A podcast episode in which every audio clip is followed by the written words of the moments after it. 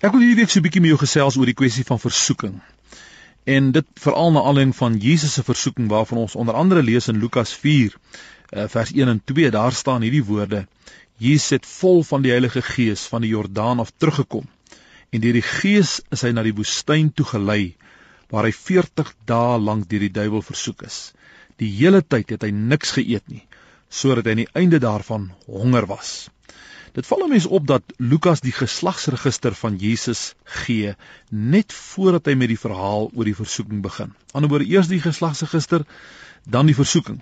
Maar as Lukas die geslagsregister van Jesus gee, dan begin hy by Jesus en hy eindig by Adam.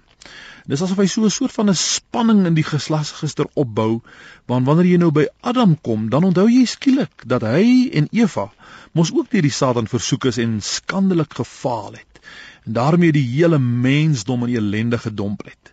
Trouwens, die feit dat Jesus aarde toe gekom het, was direk as gevolg van die eerste Adam en natuurlik Eva se optrede. Nou is daar weer 'n versoeking op pad. Dis nou die laaste Adam. En weer is dit dieselfde duiwel wat vir Jesus die laaste Adam versoek.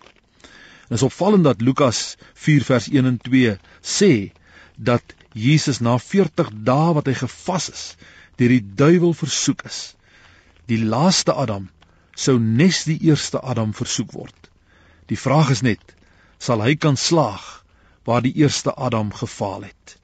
En jy weet as 'n mens die eerste Adam se versoeking met die laaste Adam Jesus se versoeking vergelyk, dan besef jy dat Jesus se versoeking was veel, veel groter as die van Adam daar in die tuin van Eden.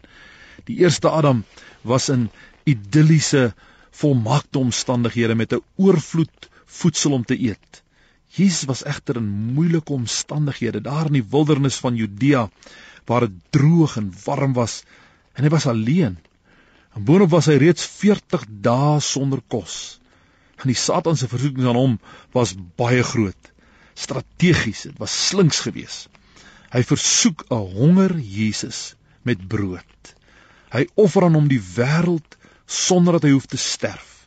Hy moet net die duiwel aanbid. In vergelyking met Jesus se versoeking was die eerste Adam se so klein. Maar dank God dat Jesus aan geen versoeking van die Satan toegegee het nie.